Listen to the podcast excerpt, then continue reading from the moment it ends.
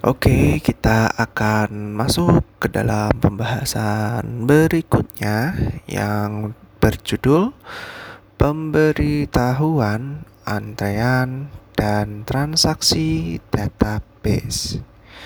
Ketika pemberitahuan antrian dikirim dalam transaksi database, mereka mungkin diproses oleh antrian sebelum transaksi database telah dilakukan.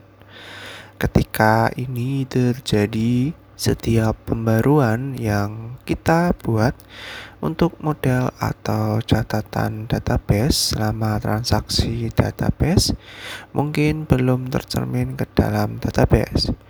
Selain itu, setiap model atau catatan database yang dibuat dalam transaksi mungkin tidak ada di database.